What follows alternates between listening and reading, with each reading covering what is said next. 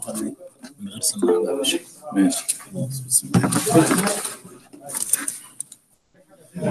بسم الله الرحمن الرحيم. الحمد لله رب العالمين والصلاة والسلام على أشرف المرسلين. سبحانك لا علم لنا إلا ما علمتنا إنك أنت العليم الحكيم. اللهم علمنا ما ينفعنا وانفعنا بما علمتنا.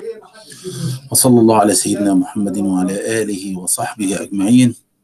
كل عام أنتم بخير جميعا وعود طيب إن شاء الله نلتقي مرة ثانية إن شاء الله بعد الأجازة المباركة أجازة عيد الفطر المبارك. وأهنئكم بهذه الأيام المباركة إن شاء الله من شهر شوال. ونبدأ معا إن شاء الله. كما تعلمون جميعا هذه المحاضرة هي المحاضرة الأخيرة في مجموعة المحاضرات. الستة التي نتناولها في السيرة النبوية. طبعا يعقبها بعد هذه المحاضرات إن شاء الله امتحانا تحريريا ثم امتحانا شفويا عن المادة. إن شاء الله سوف يحدد ال ال ال هنا سوف يحددون الميعاد ويبلغكم إن شاء الله به. توقفنا في اللقاء الماضي عند فتح مكة ونعلم أن فتح مكة كان يمثل بالنسبة للمسلمين يعني فتحا كبيرا. جاءت صورة الفتح إن فتحنا لك فتحا مبينا. كان هذا في صلح الحديبية الذي اعتبره الله سبحانه وتعالى أنه فتحا مبينا لأنه هو الذي فتح الباب للمسلمين حتى ينشروا الدعوة الإسلامية وفي نفس الوقت هو الذي فتح باب بابا للمسلمين حتى يدخلوا مكة إن شاء الله آمنين محلقين رؤوسهم ومقصرين. كان فتح مكة يمثل بالنسبة للمسلمين انتهاء عصر المعاناة والألم الذي امتد لأكثر من عشرين عاما.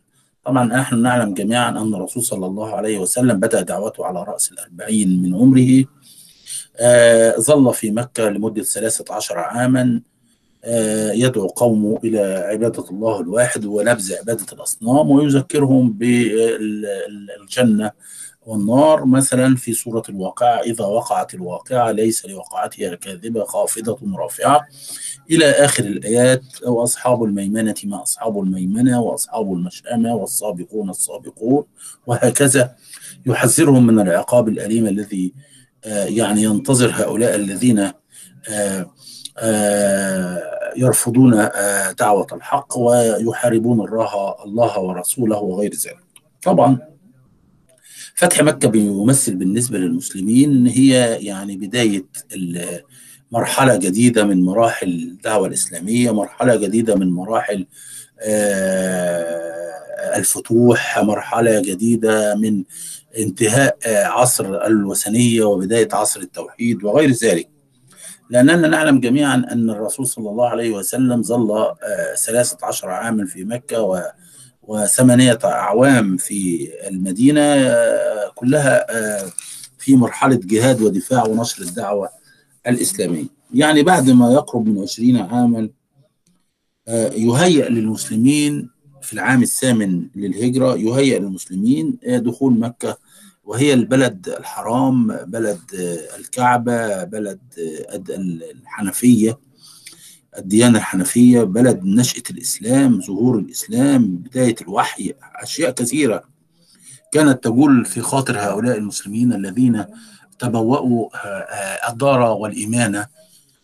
قال الله سبحانه وتعالى في سورة الحشر والذين تبوأوا الدار والإيمان من قبلهم يحبون من هاجر إليهم ولا يجدون في صدورهم حاجة مما أوتوا ويؤثرون على أنفسهم ولو كان بهم خصاصة ومن يوق شح نفسه فأولئك هم المفلحون. طبعا هذا كان يعني دعوة أو تقريضا أو أو شكرا لهؤلاء الأنصار الأنصار الذين وقفوا بجوار, بجوار المهاجرين يعني يشدوا من أسرهم ويأوونهم في بيوتهم ومع ذلك لم يؤثروا على أنفسهم حتى لو كان بهم خصاصة أو بهم حاجة. ظل الرسول يدعو قومه عشرين عاما هناك في مكة والمدينة حتى تهيأ له دخول مكة فكان دخول مكة. تحت النفوذ الإسلامي يمثل نقلة جديدة وحركة جديدة من حركات الدخول المسلمين في الإسلام طبعا نعلم جميعا أن سبب فتح مكة أنه في صلح الحديبية كان الرسول خير القبائل العربية من أحب أن يدخل في حلف الرسول فليدخل ومن أحب أن يدخل في حلف قريش فلدخل فدخلت بنو بكر في حلف قريش بينما دخلت خزاعة في حلف الرسول صلى الله عليه وسلم ولكن غدر بنو بكر بخزاعة. وطبعا ما في شك إن هذا كان نقدا للمعاهدة وغير ذلك فتوجه هؤلاء اللي هم خزاعة إلى الرسول صلى الله عليه وسلم يستنصرونه على هؤلاء القوم الذين غدروا بهم وقتلوهم شر قتلة. على كل الأحوال توجه الرسول صلى الله عليه وسلم هو وأصحابه في العام الثامن للهجرة في أكبر عملية عسكرية في ذلك الوقت. حتى كان جيش المسلمين يقترب من عشرة آلاف مقاتل وبالفعل دخلوا مكة دون قتال وتهيأت لهم أسباب النصر بفضل الله تعالى حتى لم يرق أو يرق فيها أي دماء. آه كثير من يعني كثير من من الناس يعني يعني رأوا أن الرسول صلى الله عليه وسلم عندما دخل مكة أصدر عفوا عاما على كل أهل مكة الذين كانوا متخوفين من ردة فعل الرسول صلى الله عليه وسلم وأصحابه. فقال لهم لا تثريب عليكم اليوم اذهبوا فأنتم الطلقاء. وهذه المقولة كما نعلم جميعا لا تثريب عليكم اليوم. هي نفس المقولة التي قالها سيدنا يوسف عندما دخل عليه إخوة يوسف واعترف لهم أنه أخاهم فقال لا تسريب عليكم اليوم يغفر الله لكم. على كل الأحوال الرسول صلى الله عليه وسلم قال لا تثريب عليكم اليوم فاذهبوا فأنتم الطلقاء أو اذهبوا فأنتم الطلقاء. وترتب على هذا العفو العام أن مكة أصبحت بلدا حراما كما كانت من قبل. آه ما في شك إن إن الرسول صلى الله عليه وسلم يعني حقق بهذا الفتح وهذا الانتصار نقلة جديدة من من من من, من تطور الدين الإسلامي. وكيف أن المسلمين اصبحوا هم ساده الموقف؟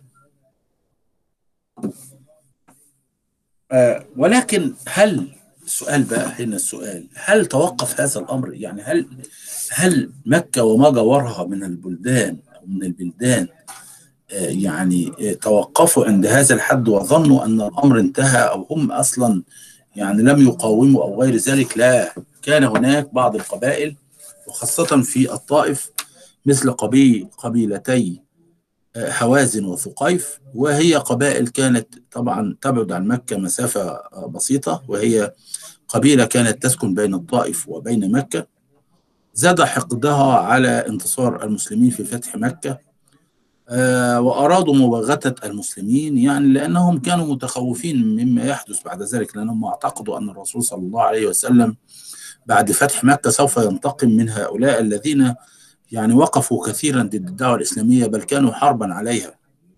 مثل قبيلة مثلا قبيلة غطفان التي كانت دائما تثير المشاكل وال وال وال وال والحرب وغير ذلك على ضد الرسول صلى الله عليه وسلم والمسلمين. زاد حقد هذه القبائل اللي هي قبيلة هوازن وقبيلة ثقيف بانتصار المسلمين في فتح مكة وتوجسوا من المسلمين خيفة. فأرادوا مباغتة المسلمين وكان يعني يعني على رأس هذه القبائل شاب متهور يدعى مالك بن عوف. وكانوا قد سلموا إليه أمرهم فساقهم في سبيل ذلك يعني في مواجهة المسلمين حتى أنه أخرج كل الأموال والنساء والشباب والأطفال بالقرب من حنين. ووزع هذه القبائل وهذه الناس بين شعاب الجبال حتى يعني يشكل كمينا أو فخا للمسلمين عندما يأتون. فلما علم الرسول بهذه المكائد تحرك إليهم فخرج لهم في اثنى عشر مقاتل وأعد لهم جيشا.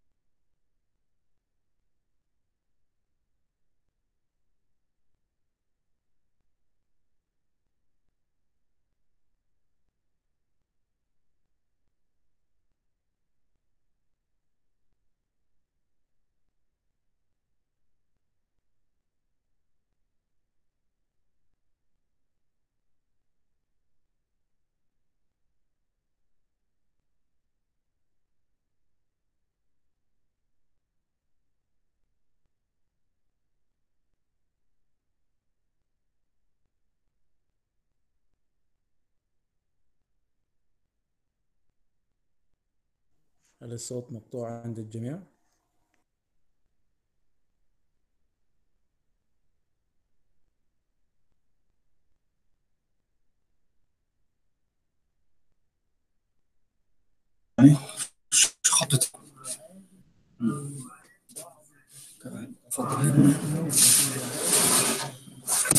طبعا لا شك أن تحرك الرسول صلى الله عليه وسلم بهذا العدد الضخم ظن البعض أن هذا العدد الضخم لن يغلب من قلة ولهذا آه، يعني نرى هذا واضحا آه،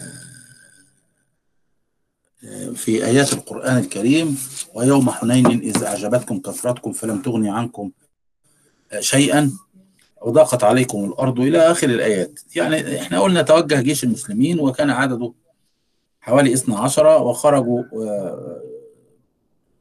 الرسول معهم وعد الجيش وتوجه وكان ذلك في العام الثامن أيضا للهجرة بعد فتح مكة وكان في العاشر من شوال يعني بعد إيه؟ بعد انقضاء العيد مباشرة.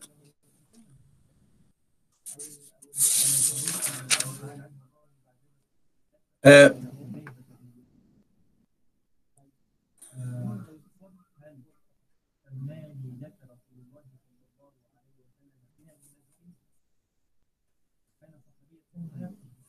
ولكن الحقيقة أن المسلمين في البداية آه يعني هذا هذا الغرور الذي أصاب المسلمين في البداية وقالوا لن نغلب من قلة. آه يعني أصاب المسلمين بالغرور وبالتالي مكن منهم هؤلاء قبيلة هوازن بقيادة مالك ابن عوف الذي كان مصمما على نصر ضد المسلمين. وكان الخطأ القاتل الذي آه يعني وقع فيه المسلمين أنهم عندما دخلوا هذا الوادي اللي هو وادي حنين كان في الصباح الباكر فدخلت القوات الوادي القوات الإسلامية الوادي فجرا وهو وادي أجوف منحدر. وادي أجوف منحدر. فلما أوغلوا فيه كانوا يسيرون يعني يعني بسرعة. هاوية يسيرون في هاوية كأنهم يعني إيه منحدر. فلما استقرت قوات المسلمين في الوادي خرجت عليهم كتائب هوازن وسقيف من كل جانب حملة واحدة وانهالت عليهم السهام والرماح من كل مكان كأنها جراد منتشر.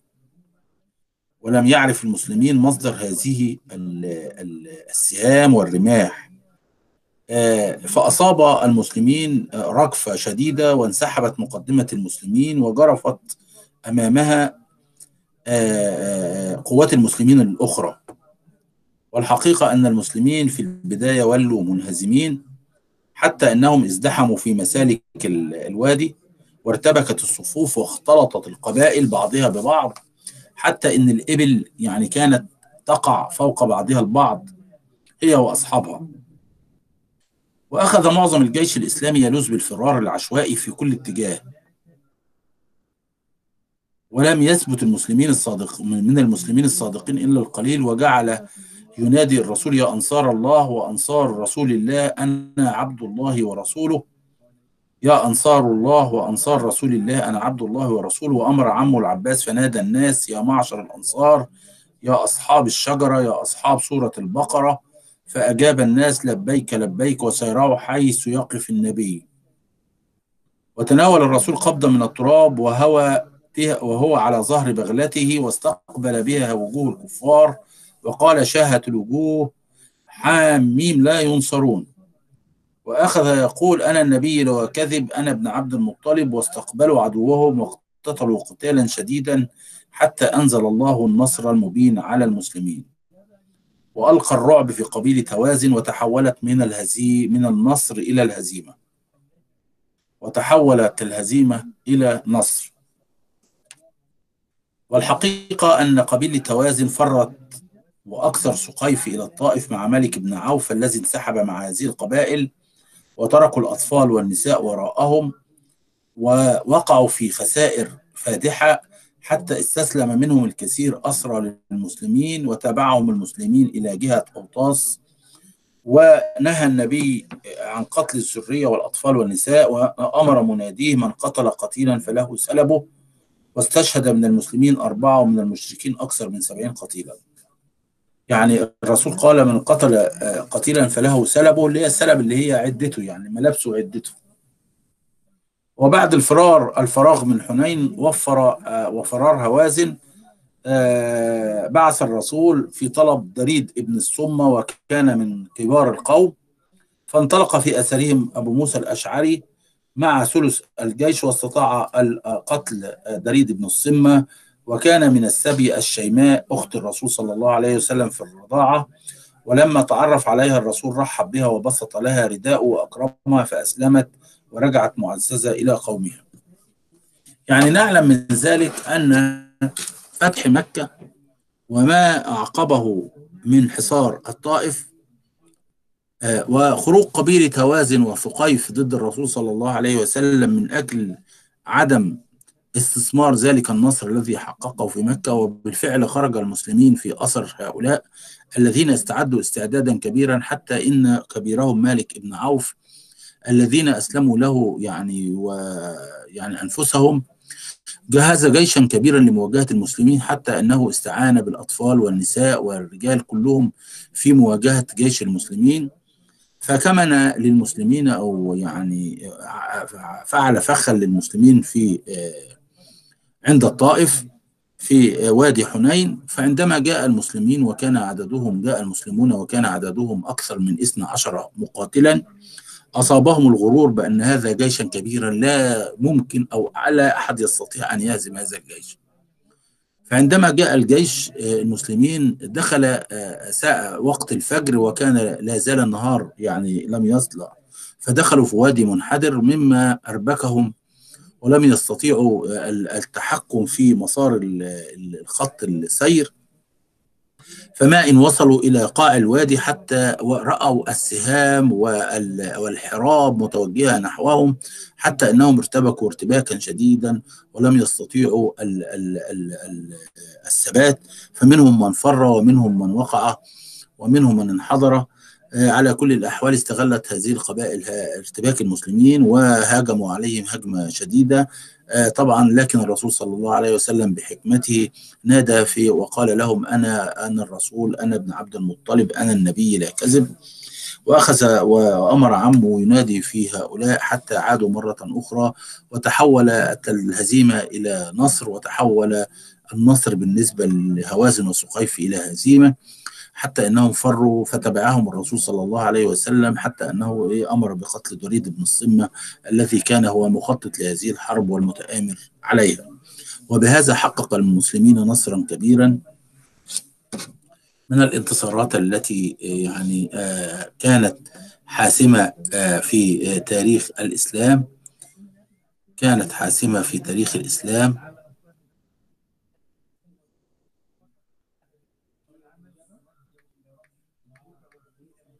ويوم حنين. ولقد نصركم الله في مواطن كثيرة في سورة التوبة. الله سبحانه وتعالى يقول لقد نصركم الله في مواطن كثيرة. لقد نصركم الله في مواطن كثيرة ويوم حنين إذ أعجبتكم كثرتكم فلم تغني عنكم شيئا وضاقت عليكم الأرض بما رحبت ثم وليتم مدبرين.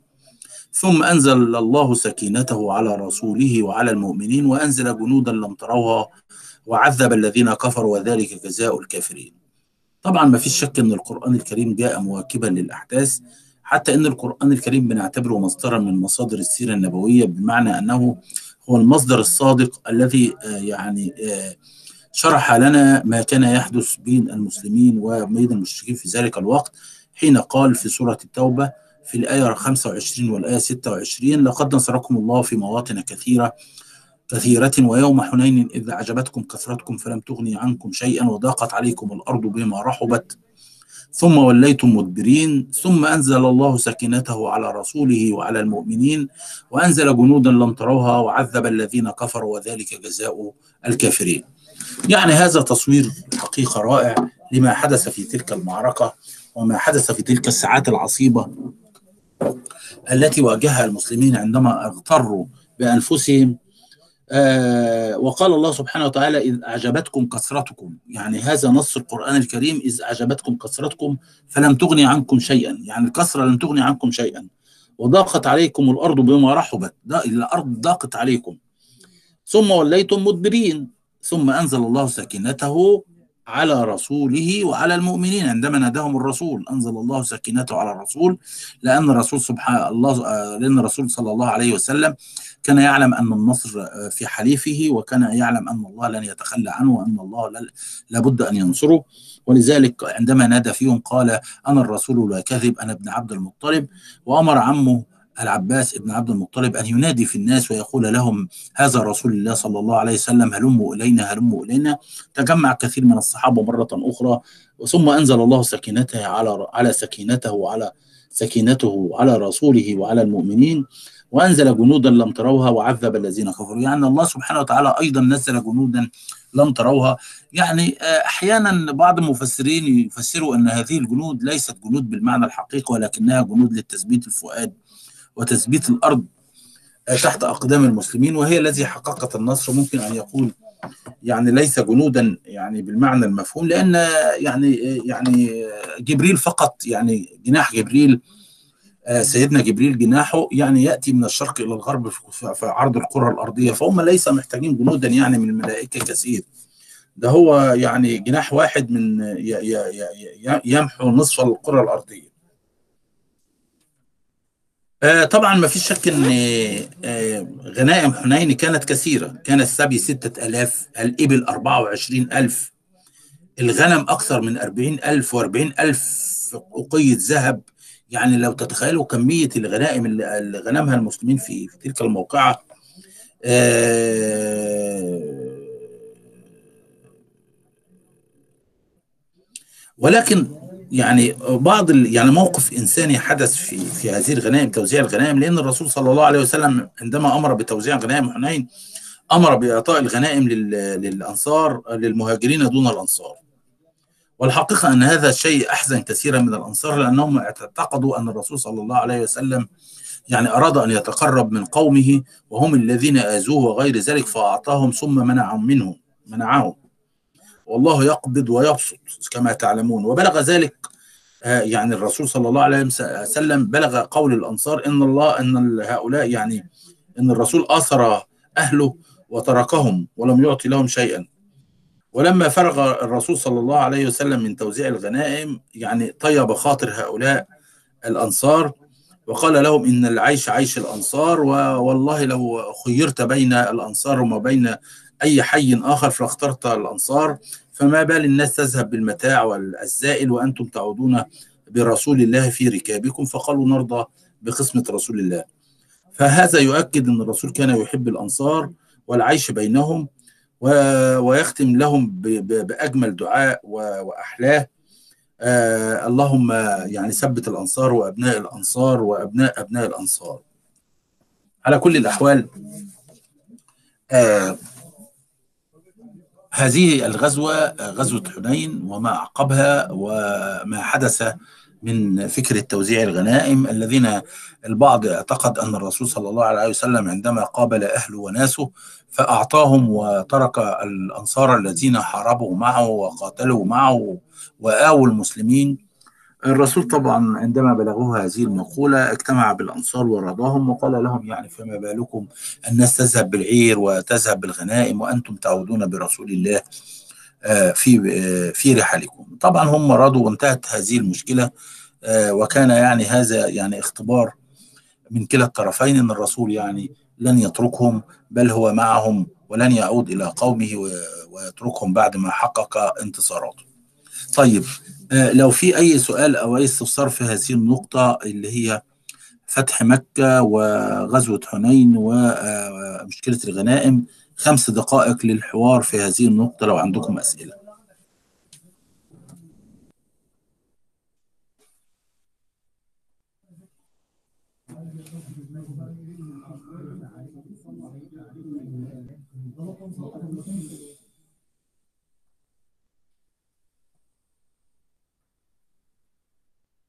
ها في سؤال؟ امم نعم يا دكتور عندي سؤال. أهلا أهلا اتفضل أهلا وسهلا. أستاذ هشام. أهلا يا فندم أهلا. مرحبا أهلا. منين أستاذ هشام؟ مصري؟ مصري. أيوه يا دكتور. أهلا وسهلا. يا أهلا بيك. آه، هل هو كان هل هناك سبب في جعل الرسول صلى الله عليه وسلم آه، يؤثر ال- المهاجرين بال- بال- بالغنائم عن الأنصار؟ هل نعم. هل في السيرة شيء؟ آه، اللي هو يعني أعطى المهاجرين دون الأنصار. نعم. طيب هو طبعا سؤال جميل جدا منك. لكن هو يعني آه، عندما أراد الرسول فعل ذلك فهو كما قال يعني ان أنا آه، آه، اعتمدت على إيمان ال ال ال الأنصار. لماذا يعني؟ السؤال بيقول لك لماذا أعطى الرسول غنائم حنين؟ مش كده؟ قصدك تقول كده؟ نعم يا دكتور. غنائم. غنائم حنين للمهاجرين دون الأنصار. للمهاجرين. يا نعم اثرهم سؤال مه- سؤال مهم جدا. هل كان اختبار ل- ل- ل- لإيمان الأنصار آه، لتثبيت آه، الدين؟ هو آه، لا هو طبعا موقف الأنصار من الغنائم أو الحكمة النبوية من توزيع غنائم حنين كان لها حكم. آه، ال- ال- ال- لو أنت لو إحنا نقرأ في كتب السيرة كما ذكرت لكم وذكرت لكم في في سورة الحشر عندما قال الله سبحانه وتعالى والذين تبوأوا الدار والإيمان من قبلهم كان يقصد الأنصار.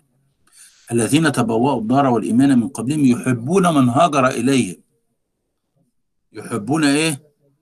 من هاجر إليهم ولا يجدون حاجة مما أوتوا. يعني هم يعني كانوا آه، آه، هم اللي استقبلوا وهم اللي آووا وهم اللي يعني هم كان إيمانهم قوي يعني عندما نعلم أن إن إن الدعوة الإسلامية نفسها لم تحقق نجاحات كبيرة إلا بعد الهجرة من إيه؟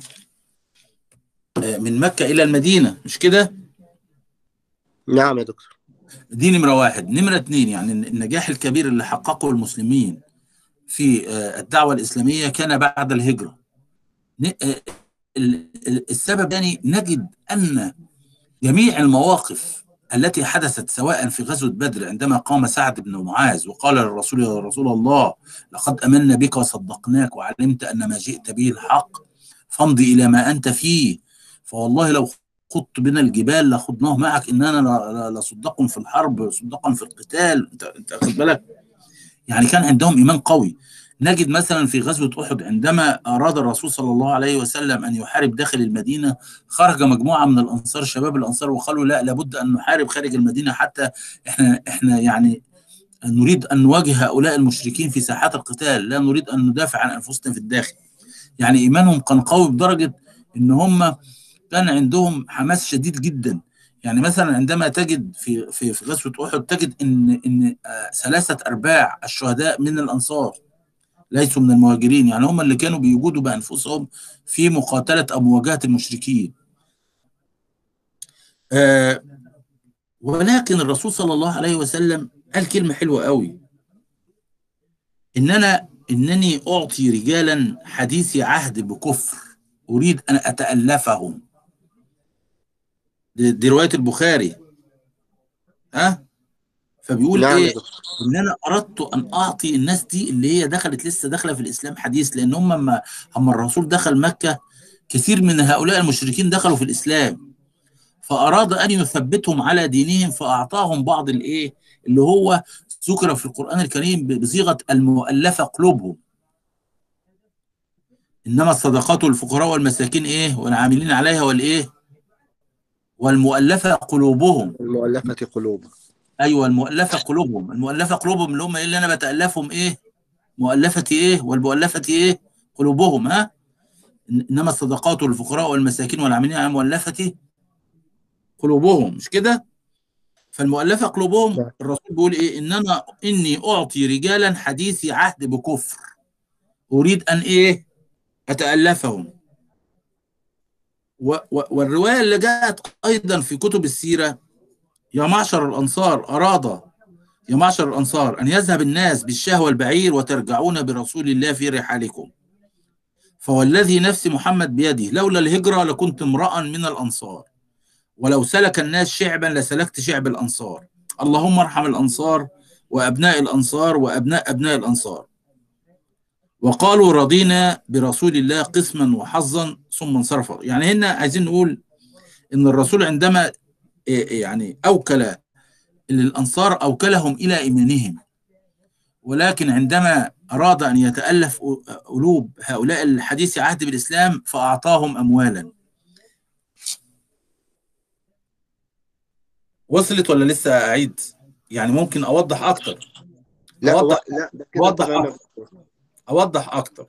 يعني ع- حديث عهد بالإسلام وأنا شديد الحرص على الإسلام وأنا مسلم قديم وأنت لسه حديث. الرسول أراد أن يسترضي هذا حتى يظل على دينه ويكون عونا للإسلام. أما أنا القديم اللي هو المسلم القديم الذي حارب وخرج وهاجر فاتكلوا على دينه يعني تركه لدينه. بدليل إن الرسول هو لم يأخذ شيء من هذه الغنائم ولم يعطي أحد يعني حتى لو أحد يعني هو ملوش وجه استفادة. يعني هو الرسول أصلا المفترض المفترض يعطي هؤلاء لكن هو أوكل هؤلاء إلى دينهم إلى عقيدتهم القوية. و- وعوضهم برجوعه معهم. وعوضه. نعم. جميل. قال لهم الناس هتشهب تذهب بالشهوه البعير يعني هياخدوا الأموال ويروحوا ولكن أنتوا راجعين معايا أنا أنا راجع معايا زي زيكم أنا ما خدتش حاجة أنا راجع معاكم. بس أنا نعم. اراد اراد, أراد أن يعني يجعل هؤلاء يعني سند لمكة مرة أخرى أو في. آه، آه، لو تذكرنا آه، بقصة حكيم بن حزام عندما ذهب إلى الرسول في غزوة حنين برضو بعد الغنائم وبيوزع الغنائم فيعني طلب من الرسول أن يعطيه ثم يعطيه ثم يعطيه فالرسول قال له إيه كلمة جميلة أوي قال له إن هذا المال حلو خضر حلو. يعني شبه شبه المال بالفاكهة الخضراء الجميلة. فمن أخذه بسخاوة نفس أي بغير آه، يعني إلحاح بارك الله له فيه. ومن أخذه بإيه؟ يعني بغير سخاوة نفس يعني هت يعني هيبقى فيها نوع من الإيه؟ آه، يعني نوع من عدم البركة. يعني زي الواحد مثلا إيه آه، في عصرنا دلوقتي تبص تلاقي نفسه عايز يضع نفسه آه، في كل الكشوفات اللي, اللي, هي فيها فلوس اللي فيها صرف وده الناس يعني حتى لو حط بيبقى الناس كلها بتعيب عليه يعني أنت كذا لكن عارف اللي عنده عزة نفس ده حتى الله سبحانه وتعالى يقول لك في سورة البقرة الفقراء الفقراء الذين أحصروا في سبيل الله لا يستطيعون ضربا في الأرض يحسبهم الجاهل وأغنياء إيه؟ ها؟ من من التعفف. من التعفف. من التعفف. يحسبهم الجهل اغنياء من التعفف. يعني أنت من كتر عفته وإن هو يعني مش مش قادر يمد إيده يحسبهم جهل اغنياء أنت فاكر ده؟ لكن أنت وتعرف حاله لكن هو عنده عزة نفس. لكن اللي يقعد ده يطلب يلح في الفلوس أنت ما, ما اديتنيش. أنت وزعت لفلان وما اديتنيش أنا. حطيت فلان في الكشف الفلاني وما حطيتش اسمي. أو ده اللي ممكن أنت تحط اسمه بعد كده بس بقى تقول لك إيه شوف بقى ده يعني اديله قرش تملكه. اديله اديله قرش تملكه وممكن يعمل لك أي حاجة بقى, بقى ممكن تلاقيه فاسد بعد كده ده ممكن يمرر أي حاجة مخالفة على انه عايز همه على الفلوس. طيب جميل. في أسئلة أخرى؟ طيب. يعني هي يعني هي حكمة تستطيع أن نقول عليها أنها حكمة آه، يعني من الرسول. آه، وهو الرسول آه، صلى الله عليه وسلم يعني كان ذكيا في هذا إن هو أعطى هؤلاء المهاجرين حتى يقربهم أو يحببهم في في الدين. لأن هم وجدهم ما تنساش برضو إن أهل مكة كانوا أهل تجارة. وهم تضرروا كثيرا ب- ب- بفكرة ال- الإسلام لأن كل العوائد المادية اللي كانت بتيجي عندهم انقطعت.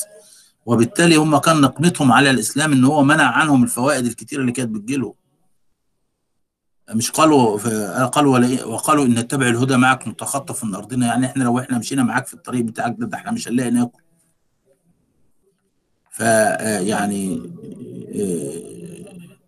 آه، برضو العامل الاقتصادي مهم جدا بالنسبة حتى لبعض الناس اللي هي آه، بتبحث عن المادة يعني.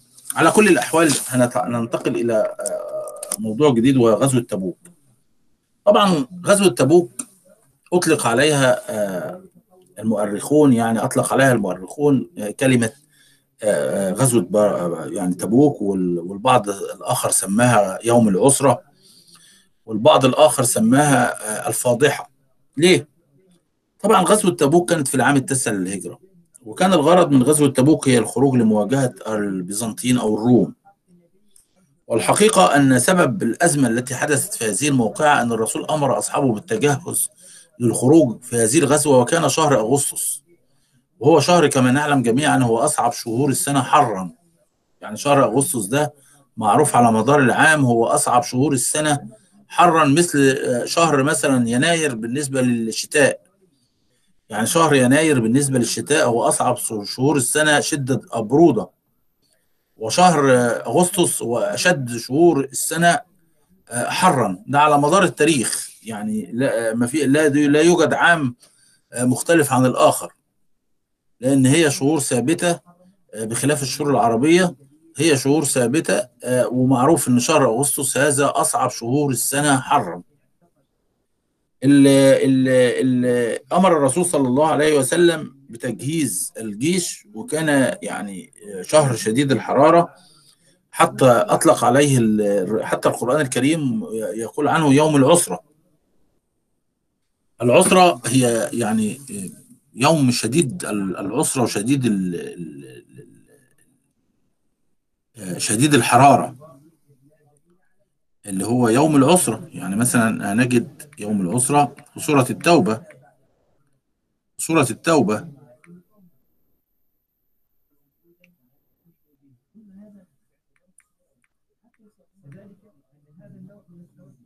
لقد تاب لقد تاب الله على النبي والمهاجرين والأنصار. تاب الله على النبي والمهاجرين والأنصار الذين اتبعوه في ساعة العسرة. من بعد ما كاد يزيغ قلوب فريقا فريق منهم ثم تاب عليهم إنه بهم رؤوف رحيم. لقد تاب الله على النبي والمهاجرين والأنصار الذين اتبعوه في ساعة العسرة بعد ما كاد يزيغ قلوب قلوب فريق منهم ثم تاب عليهم إنه بهم رؤوف رحيم. يعني يوم العسرة اللي هو تاب الله فيه على النبي والمهاجرين والأنصار لأنه كان آه، يوم آه، أو يعني آه، ساعة شديدة الحرارة أو شهر شديد الحرارة وأطلق على هذه الغزوة غزوة العسرة. كان الهدف منها هو الخروج لمواجهة مواجهة ال- البيزنطيين. والحقيقة أن هناك كثير من ال- ال- المسلمين آه، بدأوا آه، يعني يت يت يعني إحنا بنقول يعتذرون للرسول صلى الله عليه وسلم بأن هذه يعني آه، وقت جدب وفي في- والبلاد وأن الرسول عندما أمر أصحابه لم تكن آه، الظروف مهيئة وكان آه، شهور صعبة شديدة الحرارة لكن الرسول أمر أصحابه أن يحتشدوا لهذه المعركة واندفع الناس بحماس شديد للمشاركة وبذل الأموال. فمثلا نجد أن أبا بكر تبرع بماله كله وكان حوالي أربعة ألاف درهم. وجاء عمر أيضا بنصف ماله وجاء عبد الرحمن بن عوف بنصف ماله. فقال له له الرسول بارك الله فيما أعطيت وفيما أمسكت. وجاء العباس رضي الله عنه بمال كثير عثمان بن عفان جاء ب 300 بعير. وبألف يعني وبأ و و و و حتى إن الرسول قال فيه ما ضر عثمان من عمل بعد اليوم. يعني عثمان بن عفان تبرع ب 300 بعير كانوا يعملون في التجارة. تبرع بهم لصالح آه، جيش العسرة أو آه، غزوة تبوك. طبعا غزوة تبوك كانت في العام التاسع للهجرة كما ذكرت لكم. الناس آه، كل الناس شاركوا. في هذه الموقعة. بعض الناس الفقراء المسلمين آه، كانوا يريدون الخروج لهذه الغزوة ولكن لم يكن عندهم آه، شيء يعني آه، يركبونه أو سلاح يحملونه. حتى النساء شاركنا بالبذل والعطاء بقدر ما استطاعوا يعني. طبعا ما فيش شك إن إن الرسول حشد يعني يقال إن كان الجيش اللي خرج لغزوة الأسرة حوالي 30 ألف مقاتل و10 آلاف فارس و12 ألف بعير يعني جيش كبير جدا خرج به الرسول نحو تبوك. آه، ولكن طبعا آه، في قلة من ال- ال- أطلق عليهم المنافقين تخلفوا عن المسير مع الرسول صلى الله صلى الله عليه وسلم. آه، وصار قوم المنافقين من الجيش ليكملوا مهمتهم في الكيد والطعام في بعض الناس حاولوا يعني يكيدوا ويعطلوا هذا الجيش. لكن الرسول صلى الله عليه وسلم تغلب على هذه الصعاب جميعا. آه، وعندما ذهب الرسول صلى الله عليه وسلم إلى الإمارات المحادية للحدود الشمالية آه، يعني عقد عدة آه، مصالحات مع نصارى آه، يعني أيلة وأزرح يعني بعض النصارى اللي هم كانوا موجودين على الطريق عمل معاهم.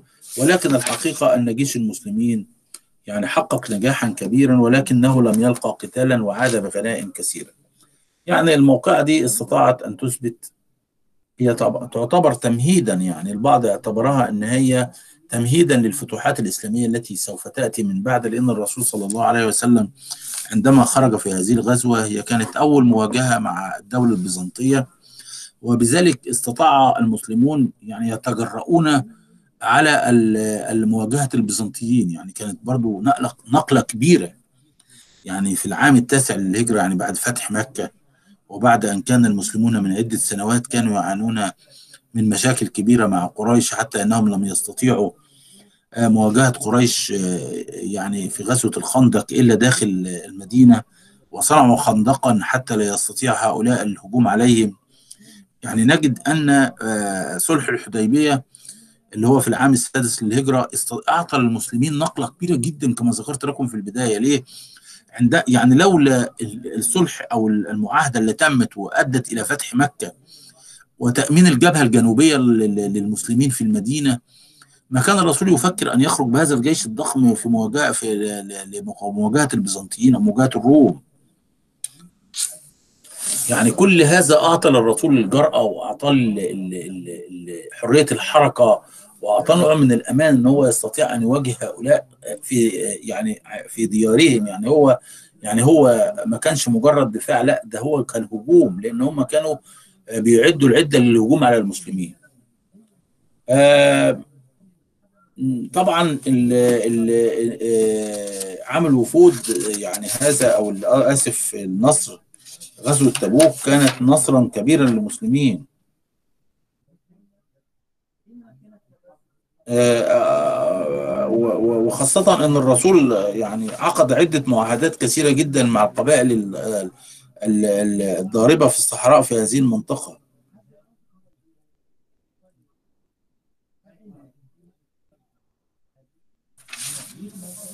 طبعا هننتقل إلى موضوع مهم جدا وهو عامل وفود وده برضو أيضا كان بعد عودة المسلمين من تبوك في العام التاسع للهجرة. عامل وفود ما فيش شك إن يعتبر علامة فارقة في تاريخ المسلمين. جميع القبائل العربية جاءت إلى آه، المدينة تعلن إسلامها. وخاصة بعد أن رأوا أن فتح مكة وإخضاع القبائل العربية جميعا والقضاء على اليهود وعودة الرسول صلى الله عليه وسلم منتصرا من غزوة تبوك سالما غانما وانسحب الروم من أمامه رأى العرب في الجزيرة العربية أن الأمر استقر للرسول في المدينة. ولا يوجد فكاك من إعلان خضوعهم لهذه الدولة الجديدة وهي دولة الرسول صلى الله عليه وسلم. يعني عايزين نستطيع أن نقول أن الانتصار الساحق الذي حققه المسلمين في مكة فتح مكة ثم إخضاع القبائل العربية بجوار آه، آه، القبائل ال- ال- ال- ال- زي قبيلة سقيف وقبيلة أوازن. ثم القضاء على اليهود قضاء مبرما في بني قينقاع والنضير وقريظة ثم فتح خيبر.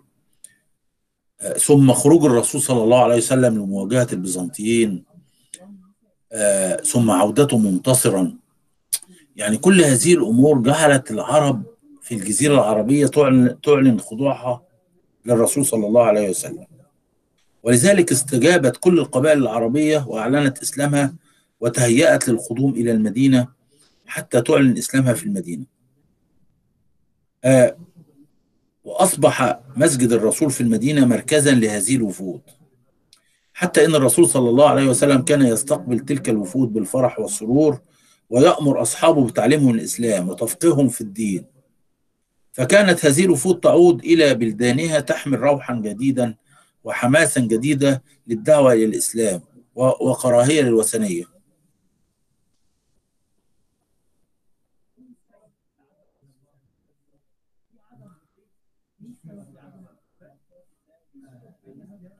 ولم يكتفي الرسول صلى الله عليه وسلم بذلك بل أنه كان يرسل الوفود إلى بعض القبائل المجاورة حتى يعلمهم بالإسلام ويدعوهم فيه إلى الإسلام. طبعا يعني عندما تقرأ في كتب السيرة وخاصة في عام الوفود تجد أن قبائل كثيرة جدا جاءت إلى سواء من اليمن سواء من من وسط الجزيرة العربية منطقة نجد سواء من جنوب الجزيرة من شمال الجزيرة. كل هذه القبائل جاءت إلى المدينة من أجل إعلان إسلامها وخضوعها على الرسول صلى الله عليه وسلم. ويعني معاهدة عقد معاهدات معه.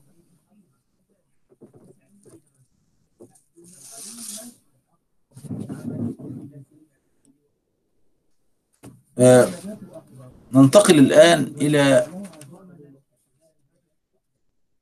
يعني آخر موضوع معانا وهو حجة الوداع. الذي أعقبه وفاة الرسول صلى الله عليه وسلم. طيب قبل أن ننتقل إلى حجة الوداع هل هناك بعض الأسئلة؟ خلونا نتحاور سويا قبل أن ننتقل إلى موضوعا جديدا. نعم. السلام عليكم ورحمة الله وبركاته. عليكم السلام. أهلا وسهلا. أهلا. آه لدي سؤال حول تسمية غزوة تبوك بالفاضحة. يعني هي هل آه سؤالك جميل سؤالك جميل. هقول لك حلو ممتاز. نعم. أطلق علي الفضيحة لأنها فضحت بعض المنافقين أو بعض ضعاف الإيمان. لماذا؟ عندما تقرأ في سورة التوبة تجد أن بعض الناس يقول إيه للرسول ائذن لي ولا تفتني.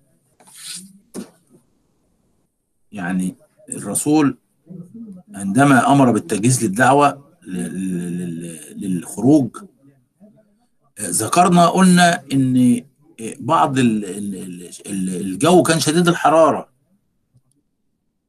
الجو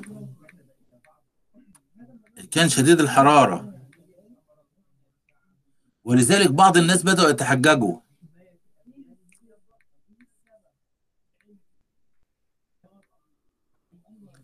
ومنهم بص في سورة التوبة يقول لك إيه؟ ومنهم من يقول ائذن لي ولا تفتني ألا في الفتنة سقطوا وإن جهنم لمحيطة بالكافرين. وقال بعضهم ولا تنفروا في الحر. يعني بعض الناس كانوا بيحرضوا بعض الناس ويقولوا لا تنفروا في الحر. يعني الجو شديد الحرارة.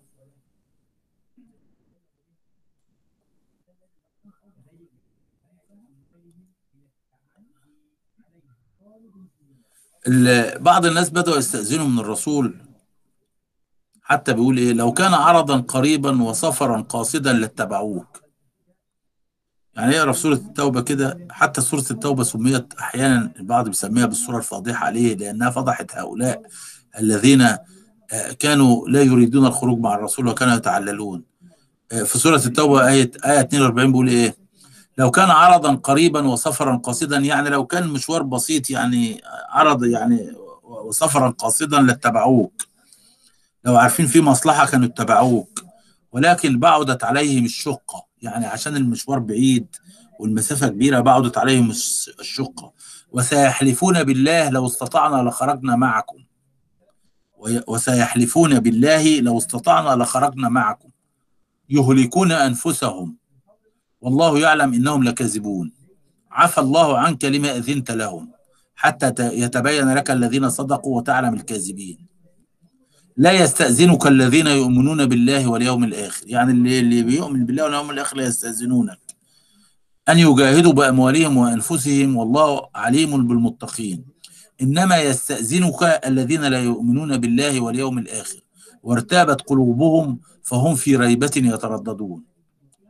ولو أرادوا الخروج لأعدوا له عدة ولكن كره الله انبعاثهم فثبتهم وقيل اقعدوا مع القاعدين. لو خرجوا فيكم ما زادكم إلا خبالا ولأوضعوا خلالكم يبغونكم الفتنة. وفيكم سماعون لهم والله عليم بالظالمين. أهو عرفت بقى؟ يعني أنت ارجع لسورة التوبة تجد تفصيل كامل لل- للمتقاعسين عن الخروج. والذين قالوا يعني للرسول والله إن المسافة بعيدة علينا وإحنا مش قادرين نخرج. ولو استطعنا لخرجنا معك. والله يعلم. هو ربنا بيقول والله يعلم إنهم لكاذبون. لا يستأذنك يعني الجماعة اللي بيؤمنوا بالله واليوم الآخر مش هيستأذنوا منك. مش هيقولوا لك لو سمحت أصل إحنا عندنا ظروف وغير ذلك. لا يستأذنك الذين يؤمنون بالله واليوم الآخر أن يجاهدوا بأموالهم وأنفسهم. والله عليم بالمتقين. إنما يستأذنك مين؟ الذين لا يؤمنون بالله واليوم الآخر. وارتابت قلوبهم فهم في ريبة يترددون. البعض يسألني يقول لي إلى الآن حتى الآن في الع... بعد تلك الانتصارات وبعد كل هذا هناك لسه ناس ارتابت قلوبهم يعني لسه في عندهم ريبة من الرسول وصدق دعوته. لازم يعني لسه إلى الآن في ناس آه في أهو ر- ربنا بيقول لك لا يستأذن لا إنما يستأذنك الذين لا يؤمنون بالله واليوم الآخر وارتبت قلوبهم. يعني هم مش مصدقين برضه مش مصدقينك لسه. يعني فهم في رغبة يترددون. نعم. بالتالي هي فضحت المنافقين. المنافقين. اللي هم قاعدين أهو بيقول لك إيه؟ لا يستأذنك الذين يؤمنون باليوم الآخر. لا بعدين إنما يستأذنك الذين لا يؤمنون بالله واليوم الآخر. العكس. ولو لو أرادوا الخروج بقى لو هم عندهم النية للخروج لا أعدوا له عدة. لا لا لا استعدوا له. ولكن كره الله انبعاثهم يعني ربنا أبعدهم عنك ان هم ما يخرجوش معاك. لأن صبتهم وقيل اقعدوا مع القاعدين لأن ربنا مش عايزهم يبقوا معاك لأن لو خرجوا معاك هيعملوا مشاكل في مع- معاك. آه ومنهم من يقول ائذن لي ولا تفتني بعض الناس ذهب إلى الرسول وقال له أصلا أنا آه، يعني الحقيقة آه، أنا مغرم يعني يعني ده ده اللي ده اللي اتقال في كتب التفسير. قال له أصلا أنا مغرم بالنساء ولو ذهبت معك إلى نساء بني الأصفر اللي هم الروم يمكن أشاهد النساء والتبخ معاهم فما تخلينيش آه، يعني ائذن لي ولا تفتني ما تفتنيش يعني. يعني يعني وصلت لدرجة إن إن بعض الناس بيستأذنوا مش عايز يخرج معاه في الغزوة لأن أصلا هتواجهوا الرومان والرومان دول نسائهم حلوة وأنا خايف افتتن يعني. يعني طبعا آه، يعني آه، تعليلات كاذبة يعني حتى الله الله يعلم أنهم لكاذبون. يقول ربنا يعني الله يعلم أنهم لكاذبون. آه الذين عنه.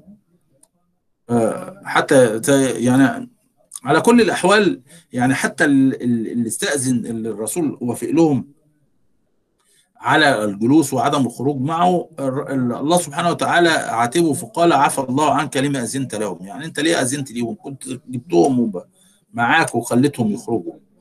وبعدين في ثلاثة من الصحابة برضو ان هم رفضوا الخروج وتعللوا وعلى الثلاثه الذين خلفوا حتى إذا ضاقت عليهم الأرض وضاقت عليهم أنفسهم. يعني في ثلاثة برضو اللي هو آه، آه، رفضوا يخرجوا ولكن حدث معهم حادثة إن الرسول أمر أن لا يحدثهم أحد ولا يكلمهم ولكن قعدوا يعتذروا لغاية ما نزلت الآية بتقول ال-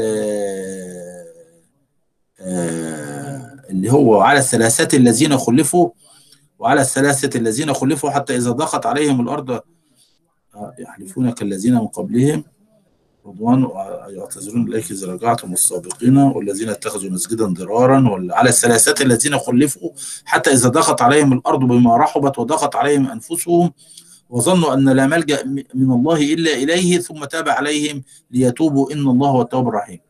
يعني هم ظلوا على الرسول لمدة شهر كامل لم يحدثهم ولم يحدثوا أحد وأمر الرسول بعدم مخاطبتهم حتى نزلت هذه الآية ثم تاب الله عليهم ليتوبوا إن الله هو التواب الرحيم. هو ده السبب اللي خلى إن هذه الآية إن هذه الآيات فضحت مجموعة من المنافقين أو من مجموعة مش يعني ممكن نقول من ضعاف الإيمان حتى إن الله سبحانه وتعالى وصفهم إن هم ارتابت قلوبهم يعني هم يعني يقول لك مش مصدقين بقى يعني إن أنت لسه هتخرج بينا وتبهدلنا في المشوار الطويل دوت والجو حر و يعني آه زي ما زي انت ما بتقصد واحد في شيء ويقعد يثبطك يعني. آه يا عم انت هتروح خليك خليك لبكرة. يعني كده ويقعد يقلل من همتك. على كل الأحوال. في أسئلة أخرى؟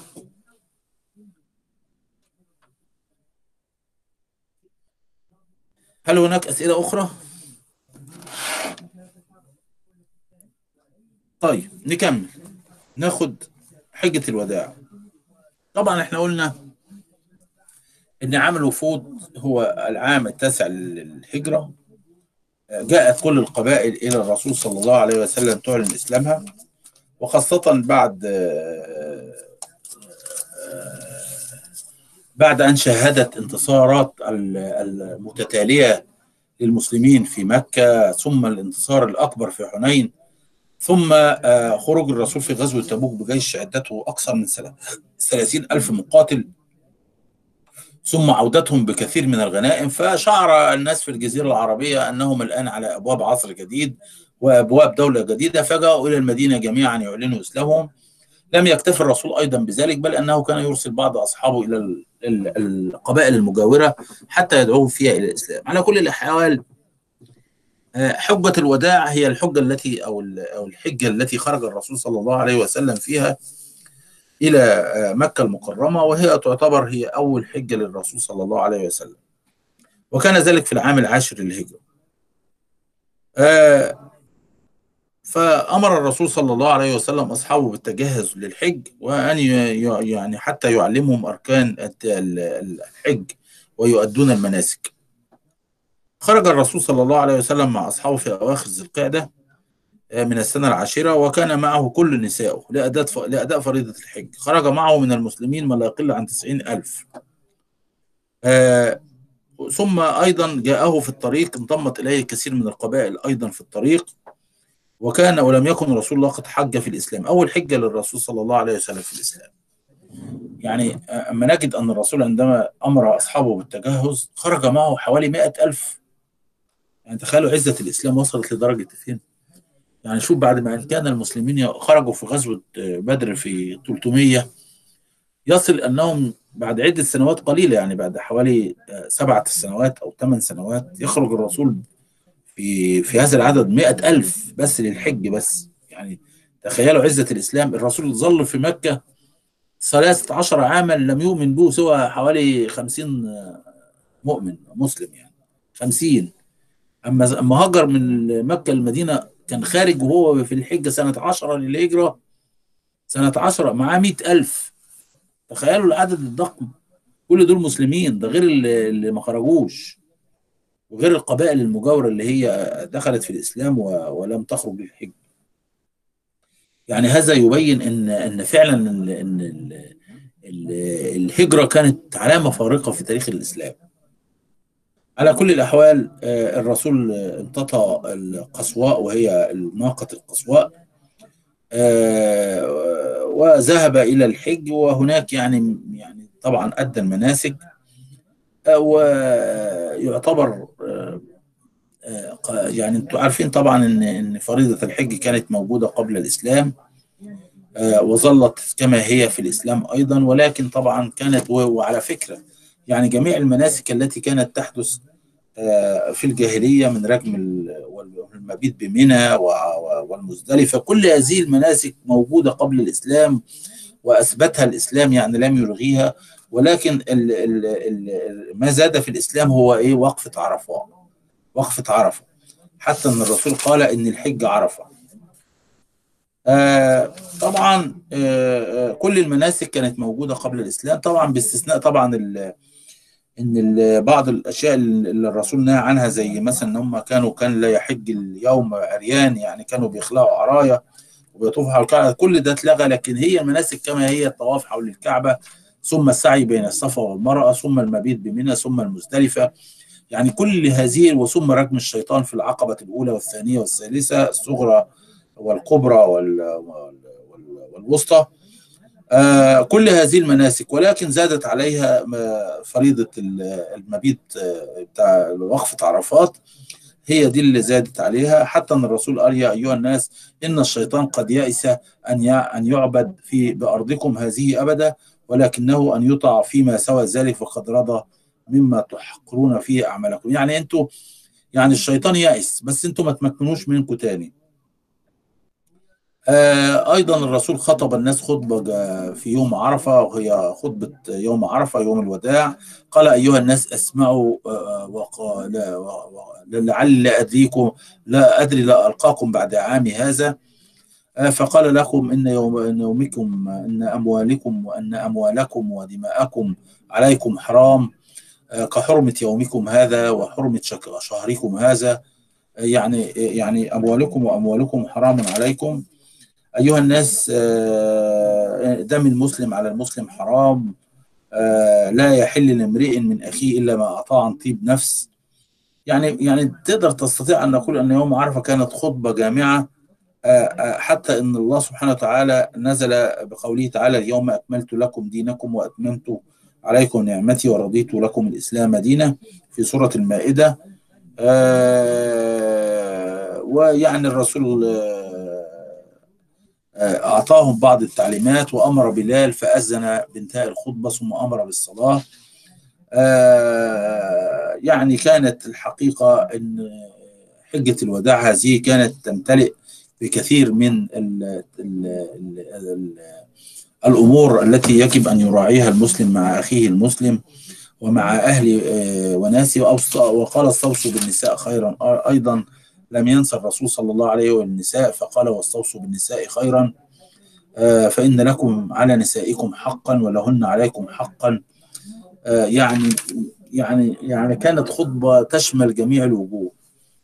آه، بعد عودة الرسول صلى الله عليه وسلم من حجة الوداع في بداية العام الحادي عشر بعد أن أدت أدى مناسك الحج شاءت إرادة الله سبحانه وتعالى ألا يأخذ حظا من الراحة بل آه، بعد آه، عودته رحل وهو على سن الثلاثة وستين عاما.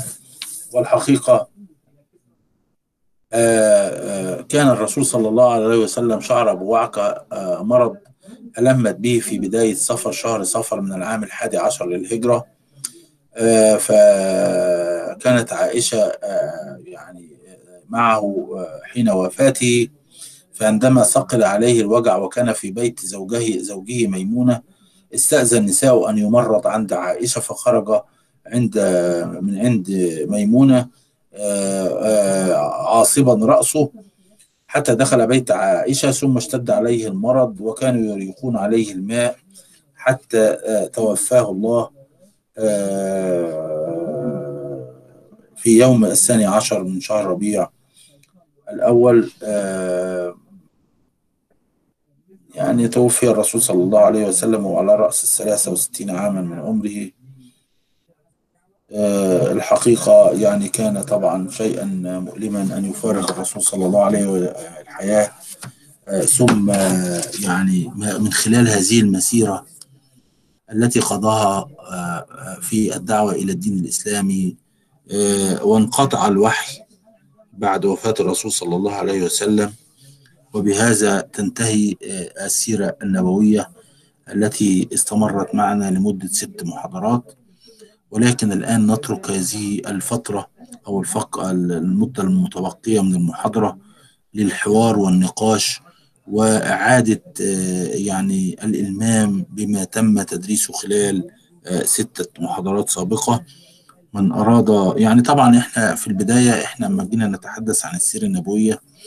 قلنا إذا قسمنا السيرة النبوية فنحن نقسم السيرة إلى ثلاث مراحل. المرحلة الأولى هي مرحلة ما قبل البعثة وهي المرحلة التي امتدت في العمر أربعين عاما. والحقيقة اشتملت على بعض المواقف المهمة. آه، منها أن الرسول صلى الله عليه وسلم ولد على في الثاني عشر من شهر ربيع آه، في عام الفيل وهو العام الذي آه، حاول فيه أبرهة أن يحطم الكعبة ويدخل الكعبة وينهي لكن الله سبحانه وتعالى أرسل إليه طيرا أبابيل رمته بحجارة من سجيل فجعلته وجنوده كعصف مأكول. آه، كان هذا يوما فريدا في نوعه ولد فيه الرسول صلى الله عليه وسلم وقد رأت أمه وهي آمنة بنت وهب رأت بشارات تبشر أن هذا المولود له شأن كبير.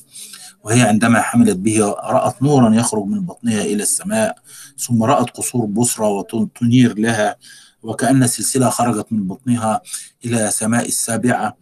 يعني أمور كثيرة جدا حتى إن بعض المؤرخين قالوا أن حدثت خوارق كونية في هذه الفترة كإخماد نار الماغوس والماجوس وتكسير شرفات قص قصور كسرى.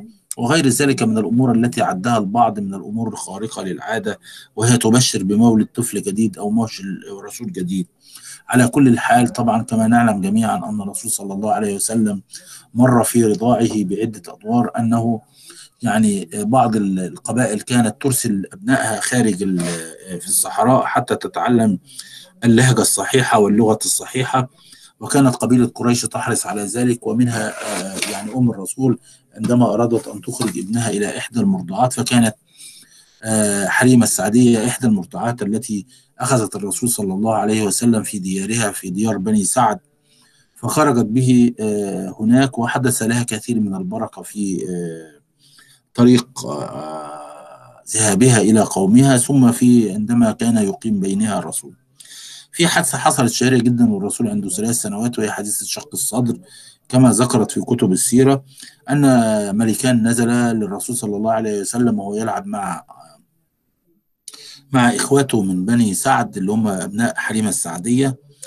فشق بطنه واخرجوا شيئا عالقا في قلبه وأخرجوه ثم غسلوا بطنه بالثلج والماء ثم أعادوه مرة أخرى حتى إن أخاه اللي هو عبد الله اللي هو ابن حليمه السعدية يعني شاهد هذا المنظر وذهب إلى أمه وأخبرها.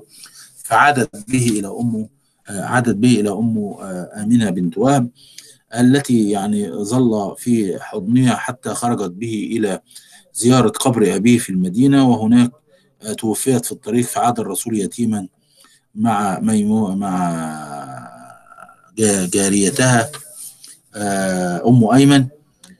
طبعا الرسول تكفل برعايته جده عبد المطلب.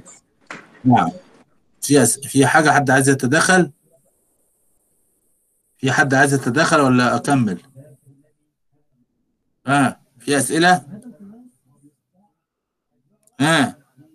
في أسئلة آه والله يا دكتور آه وممكن آه تلخص لنا لو في أي يعني أشياء مهمة بالنسبة للامتحان مثلا آه أصل هو الامتحان بص أقول لك على حاجة الامتحان عشان تبقى عارف هو أسئلة مش مش أسئلة مقالية كما تعلم.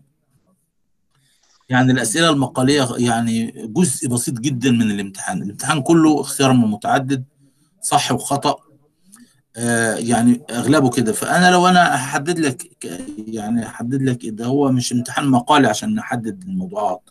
هو يشمل كل المنهج على شكل أسئلة صح وخطأ. يعني مثلا لما أجي أقول لك مثلا كانت غزوة بدر في العام السادس أو السابع أو الثاني للهجرة أنت هتختار إيه؟ هتختار إيه؟ عفوا إيه السؤال معلش. السؤال يقول كانت غزوة بدر في العام الثالث للهجرة الرابع للهجرة الثاني للهجرة؟ الثاني. الثاني للهجرة صح؟ أيوه صح. طيب خلينا برضو أسئلة أخرى. يعني آآ آآ التي أرضعت آآ رسول الله صلى الله عليه وسلم عند رضاعه هي أم أيمن حليمة السعدية صفية بنت حيي حليمة. مثلا هي الأسئلة على هذا النمط. فك... ف... فمش هو ما فيش تحديد هو الأسئلة كلها تيجي على على المقرر كله. وانت عندك محاضرات. أنا اعتقد المحاضرات اللي أنا كنت نزلتها على على ال group أخذ اخذتها آه مش مش فاكر اللي, اللي هي ال PowerPoint طب أنا هخليهم يرسلوها ليكم إن شاء الله. آه هي موضوع موضوع في ال Classroom وفي Google Drive بس كده جميل ربنا يخليك. حلو طيب. يعني أنا مثلا أقول لك مثلا إيه؟ مثلا يعني من ضمن الأسئلة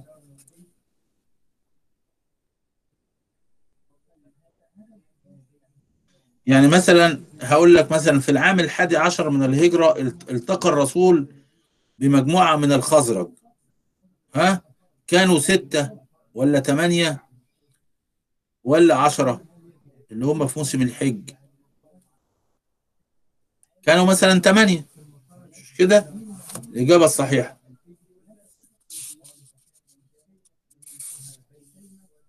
كانت بيعة العقبة الأولى في العام الثاني عشر للبعثة ولا العام العاشر للبعثة ولا العام التاسع للبعثة؟ العام الثاني عشر للبعثة.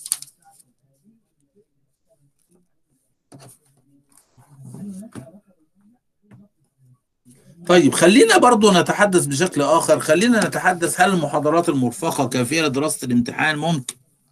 ممتازة. يعني حد بيسأل أهو بيقول هل المحاضرات اللي هي كافية للامتحان؟ نعم كافية طبعا. إحنا خلي بالك إحنا درسنا كل ال ال يعني تقريبا تناولنا كل موضوعات السيرة لم نترك شيئا لم نتناوله. يعني تناولنا كل جوانب السيرة. تناولنا مثلا آه، الرسول واليهود. تناولنا الرسول والمنافقين. يعني الرسول واليهود تناولنا آه، بني قينقاع بني النضير بني قريظة خيبر كل دي فتوحات آه، المنافقين المنافقين في المدينة الذين اتخذوا مسجدا ضرارا. المنافقين الذين أب- أبطنوا الكفر وأظهروا الإسلام مثل عبد الله بن أبي ومجموعة كبيرة جدا. الذين حاولوا الإيقاع بين المسلمين بعضهم وبعض. وقد نجاهم بدليل إن أكبر دليل برضه لما جينا نتحدث عن غزوة تبوك هناك كثير جدا الذين حاولوا تثبيت المسلمين بعدم الخروج للغزوه وقالوا أن هذا يوم حر شديد. يعني؟ قالوا إيه بقى؟ حر. لا تنفروا في الحر. قالوا لا تنفروا أهو. فرح المخلفون بمقعدهم خلاف رسول الله. وكرهوا أن يجاهدوا بأموالهم وأنفسهم في سبيل الله. وقالوا لا تنفروا في الحر. قل نار جهنم أشد حرا لو كانوا يفقهون. قل نار جهنم أشد حرا لو كانوا يفقهون. يعني فرح المخلفون اللي هم تخلفوا بمقعدهم خلاف رسول الله. خلاف رسول الله. فرح المخلفون بمقعدهم خلاف رسول الله. وكرهوا أن يجاهدوا بأموالهم وأنفسهم في سبيل الله. وقالوا لا تنفروا في الحر. قال قل. ربنا بقى بيقول للرسول قل. نار جهنم أشد حرا لو كانوا يفقهون. يعني أنتوا خايفين تنفروا في الحر طب نار جهنم أشد بقى. يعني معنى ذلك إن المخلفون اللي هم رفضوا تخلفوا عن الخروج فرحوا خلاف الرسول بمقعدهم إن هم قعدوا يعني وخلاص إحنا ضحكنا عليهم وخرجناش. هم هم ظنوا إن هم إيه يعني فلتوا من العقاب. لكن نار جهنم أشد حرا لو كانوا يفقهوا. ها أسئلة أخرى.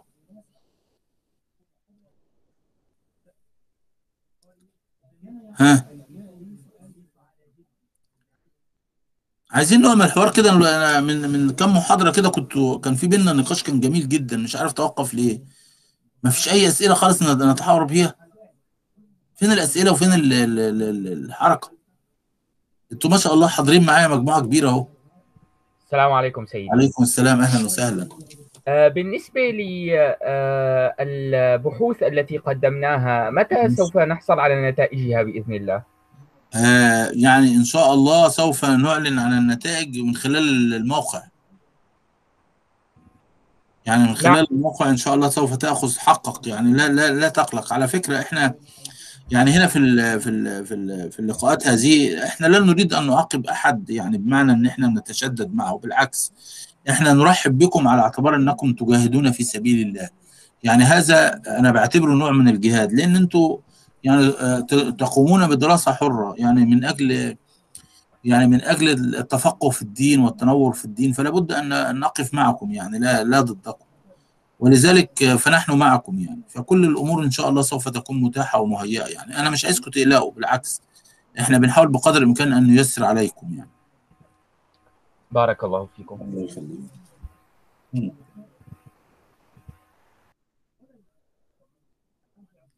الله يبارك فيكم. لو في أسئلة برضو خلونا نتواصل معنا. أنا معاكم اهو لسه.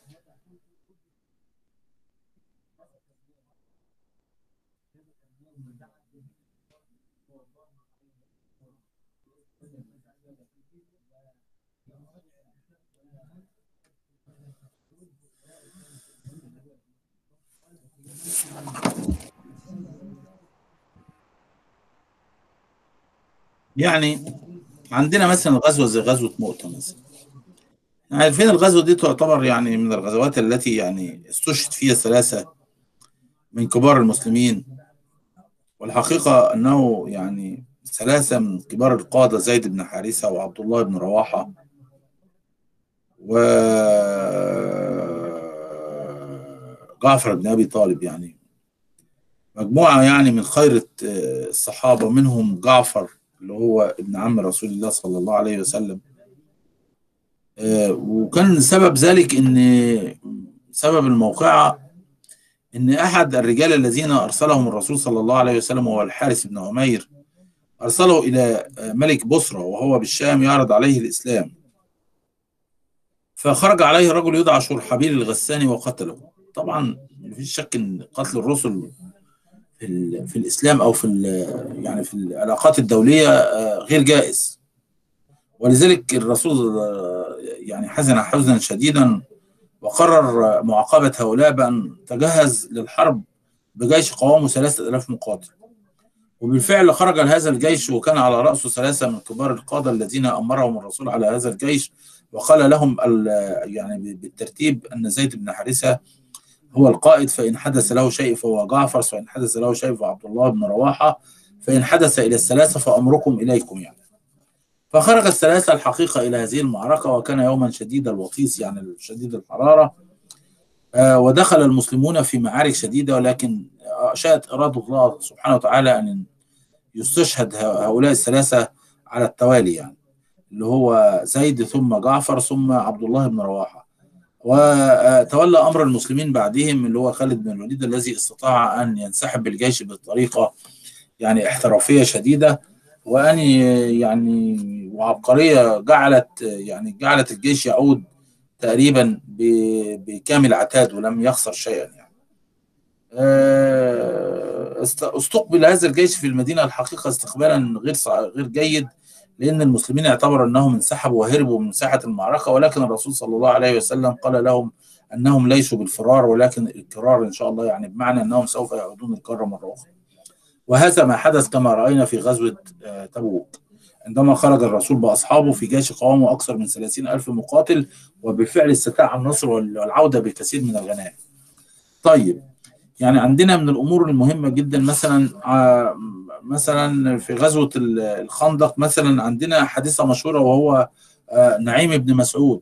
وكيف أن هذا الرجل استطاع أن يثبت جموع الأحزاب التي أرادت الفتك بالمسلمين فلعب دورا هذا وهذا رجل كان من قبيلة غطفان. على على الرغم من قبيلة غطفان كانت من القبائل التي خرجت لمحاربة الرسول في غزوة الأحزاب.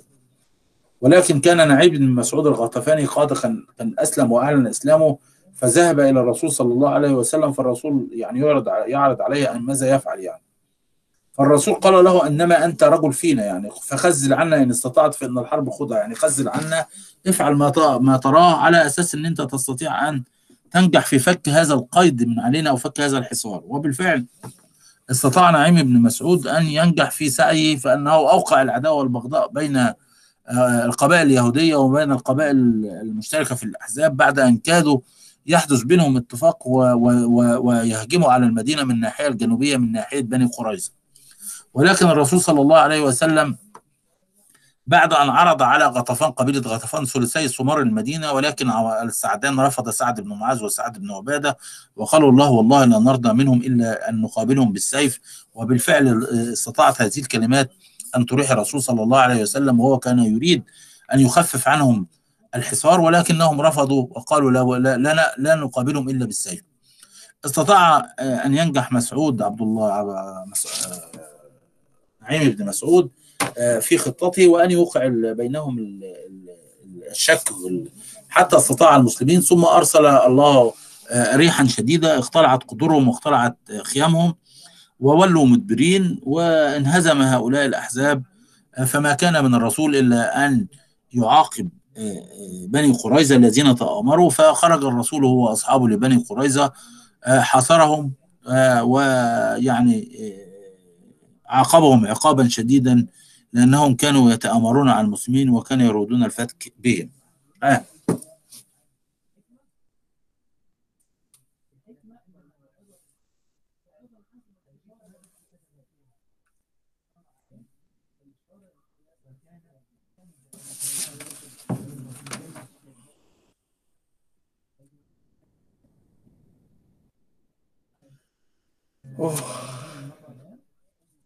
ممكن سؤال كمان يا دكتور؟ نعم تفضل.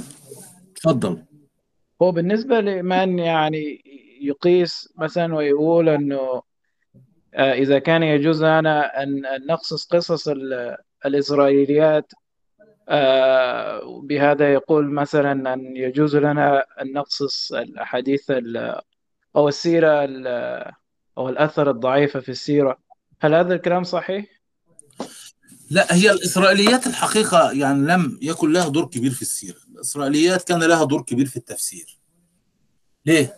هي إيه السبب؟ لا أنا أنا أنا أقصد يعني يقول إذا كان يجوز لنا أن أن نقصص القصص ال- ال- الإسرائيليات و- وهذا يعني الكلام. لا هي ال- الإسرائيليات شوف الإسرائيليات على يعني برضو المؤرخين قالوا الإسرائيليات مش كلها يعني خطأ. قال ما يخالف الدين فهو خطأ. وما يواكب الدين فهو صحيح. يعني بمثال يعني مثلا حتى إن بعض المفسرين قالوا يعني يعني في جاء موافقا لما في لما عند المسلمين يعني بعض الإسرائيليات لأن طبعا أنتوا عارف بني إسرائيل كانوا هم أصحاب العلم الأول. وعندما هاجر المسلمون من مكة إلى المدينة كان الفئة المتعلمة المثقفة الوحيدة بنو إسرائيل. وبنو إسرائيل هم أهل كتاب وهم آه، يعني آه، أهل العلم الأول كما يذكرون. وهم كانوا مثقفين ومتعلمين وعندهم دراية بالكتب والكتابة والقراءة وغير ذلك. ولذلك لجأ إليهم كثير من المسلمين لتفسير بعض آيات القرآن الكريم أو بعض الموضوعات التي وجدوها عندهم. يعني مثلا عندما نجد في التفسير نجد أن أغلب القصص اللي موجودة في القرآن الكريم أغل- أغلبها أو 90% من القصص الموجودة في القرآن الكريم موجودة في موجودة في التوراة. يعني حتى يعني هي يعني تقريبا مع اختلافات بسيطة. لكن هي ك ك ك ك ك كموضوع متكامل هي موجودة في في في, في كتب في التوراة. ولذلك عندما التجأ المسلمون إلى ال- اليهود للزيادة في هذه يعني مثلا يعني هديك مثال في سورة صاد. سورة صاد. الله سبحانه وتعالى بيقول لك وهل أتاك نبأ الخصم إذ تصوروا المحراب إذ دخلوا على داود ففزع منهم داود طبعا النبي داود كان عنده محراب يتعبد فيه وكان يمنع من دخول يعني ده موجود في في الإسرائيليات. كان يمنع أي حد يد- يدخل على عليه في ساعة صلواته يعني. فدخل عليه ملكان إذ تصوروا المحراب إذ دخلوا على داود ففزع منهم. قالوا خصمان بغى بعضنا على بعض يعني فاحكم بيننا بالحق. يعني قال لهم أنتوا مين مين أنتوا؟ قالوا له إحنا خصمين ويعني زعلانين من بعض وعايزينك تحكم بيننا بالحق. إن هذا أخي له تسع وتسعون نعجة. يعني أخو أخويا عنده 99 نعجة وأنا لي نعجة واحدة. فقال اكفلنيها وعزني في الخطاب. يعني قال له أنا عايزك أنا عايز النعجة اللي عندك دي. أضمها لل 99 اللي عندي. فقال اكفلنيها وعزني في الخطاب. قال داود بقى قالوا قالوا لقد ظلمك بسؤال نعجتك إلى نعاجي قال له هو ظلمك إن هو خد النعجه بتاعتك إلى نعاجي وإن كثيرا من الخلطاء لا يبغي بعضهم على بعض. نجد بقى ال- ال- ال- ال- التفسير بقى الإسرائيليات بيقول إيه؟ بيقول ان إن داوود كان عنده 99 امرأة متزوجة وكان في جندي من عنده من الجنود كان متزوج امراه جميلة أعجبت أعجب بها داوود فأراد أن يتزوجها فأرسل هذا الجندي للحرب فقتل في المعركة فتزوج امرأته. فجاءت الملائكة تعاتب اللي هم الملكان اللي دخلوا عليه جاءت يعاتبوا داود. قالوا يا داود إن إحنا يعني إحنا ملي إحنا خصمان بغى بعضنا على بعض. فأراد يعني الله سبحانه وتعالى أن يوضح لداود خطأه بأنه عرض أمامه قضية إن هو في واحد عنده 99 نعجة اللي هي 99 يعني مع الأسف يعني ده ده كلام الإسرائيليات إن 99 امرأة. وهو طمع في امرأة نعجة أخيه فأراد أن يضم نعجته إلى نعاجه وغير ذلك. حتى الآيات القرآنية بتقول يا داود إنا جعلناك خليفة في الأرض فاحكم بين الناس بالحق ولا تتبع الهوى فيضلك عن سبيل الله. إن الذين يضلون عن سبيل الله لهم عذاب شديد وغير ذلك. آه، آه، فبيعاتب سيدنا داود إن هو يعني فعل هذا الفعل فدو يعني هو زي إيه؟ يعني هو إسقاط يعني يعني عايزين يعملوا عليه إسقاط على القضية. يعني أنت وقعت في خطأ فأرادوا أن يوضحوا له الوقوع في الخطأ بس عن طريق. كما ذكر أن الحسن والحسين يعني رأ- رأوا رجلا لا يحسن الوضوء فأرادوا أن يعلموه الوضوء فقالوا له فاحكم بيننا أننا نقيم هذا الوضوء وأنت تحكم بيننا بين الصح والخطأ. فأعادوا الوضوء أمام هذا الرجل فعلم أنه نسي بعض الأمور ففهم منهم أنهم يريدون أن يعلموه ما وقع فيه من خطأ. وهكذا يعني التعليم بالقصة وغير ذلك. يعني هذا هو القصة التي ذكرت في القرآن الكريم وهذا الذي ورد في تفسير الإسرائيليات أنه يعني يقصدون زوجات داود وغير ذلك. يعني هذا يوضح بالدليل القاطع أيضا أن أن القصة موجودة في التوراة بدليل أنها لا تفسير هناك. ومن يعود إلى إسرائيل يجد أن كثير من القصص التي موجودة في القرآن الكريم مثل قصة البقرة وبني إسرائيل وغير ذلك وداود وسليمان فلما فصل طالوت بالجنود قال إن الله مبتليكم بنار فمن شرب منه فليس مني ومن لم يطعمه فإنه مني إلا من اغترف غرفة بيده فشربوا منه إلا قليلا منهم فلما جاوزه إلى آخر الآيات فلما قتل داود فقتل داود جالوت يعني وهكذا يعني إلى آخر الآيات الكثيرة التي وردت في القرآن الكريم نجدها خاصة بقصص الأنبياء موجودة في التوراة. ولذلك عندما استعان بهم المسلمون في تفسير بعض آيات القرآن الكريم كان هذا على اعتبار أن هذه القصص موجودة عندهم وتفسيرها موجود عندهم. هذه هي الإسرائيليات أما الإسرائيليات في السيرة لا توجد إسرائيليات في السيرة. ولكن ما هو موجود في الإسرائيليات ما هو موافق لما عند المسلمين فلا بأس منه. أما ما هو مخالف فلا يجب أن نتحدث عنه. طيب طيب دكتور بس طيب وبالنسبة للسيرة مثلا الأحاديث أو الآثار الضعيفة يعني هل يجوز أن أن أن نحكيها أو نأخذ من عباراتها مثلا؟ كانت إذا كانت إذا كانت لا تخالف الشرع فلا بأس. يعني خيرا إذا كانت آه إذا كانت لا غير مخالفة يعني لا تدعو إلى رذيله أو تدعو إلى إلى مخالفة في الدين إذا كانت تدعو إلى الفضيلة إلى البتاع ماشي كويس مش مش مشكلة. يعني كان هناك رجل أصدر أحاديث في أهمية سور القرآن الكريم. من قرأ سورة البقرة دخل الجنة من قرأ سورة آل عمران له قصر في في وهكذا. فعندما سألوه هذا الرجل يعني ماذا فعلت لذلك؟ قال والله رأيت الناس تبتعد عن القرآن الكريم فأردت أن أحببهم فيه. يعني هو أنا غرض الشريف إن أنا عايز أرجعهم القرآن الكريم يقرأوا فيه. يعني مقبول لكن لو فيها واحد بيدعو إلى الرذيلة فطبعا غير مقبول. مش كده؟ يعني حتى الرسول بيقول لك إيه؟ يعني ستختلفون من بعدي فما أتاكم موافقا لما بين القرآن الكريم فهو مني وما جاءكم مخالف للقرآن الكريم فليس مني. يعني أي أي قضية تجيلك من الأحاديث إذا كان موافقا لما نعلمه في القرآن الكريم ومناسبا للسنة فهو أهلا وسهلا به ما فيش مشكلة. يعني ممكن طيب ان وبالنسبة ل... لأشياء مثلا ما لا لا في منها فائده أو لا. مثلا زي ال... ال... العنكبوت مثلا شبكة العنكبوت على على غارة وهذا الأشياء. هي هي أمور يعني حتى حتى ذكرها على فكرة. يعني عشان تبقى عارف حتى الخوارق واللي إحنا اتكلمنا عليها اللي هي خاصة بمولد الرسول. يعني حتى ابن هشام لما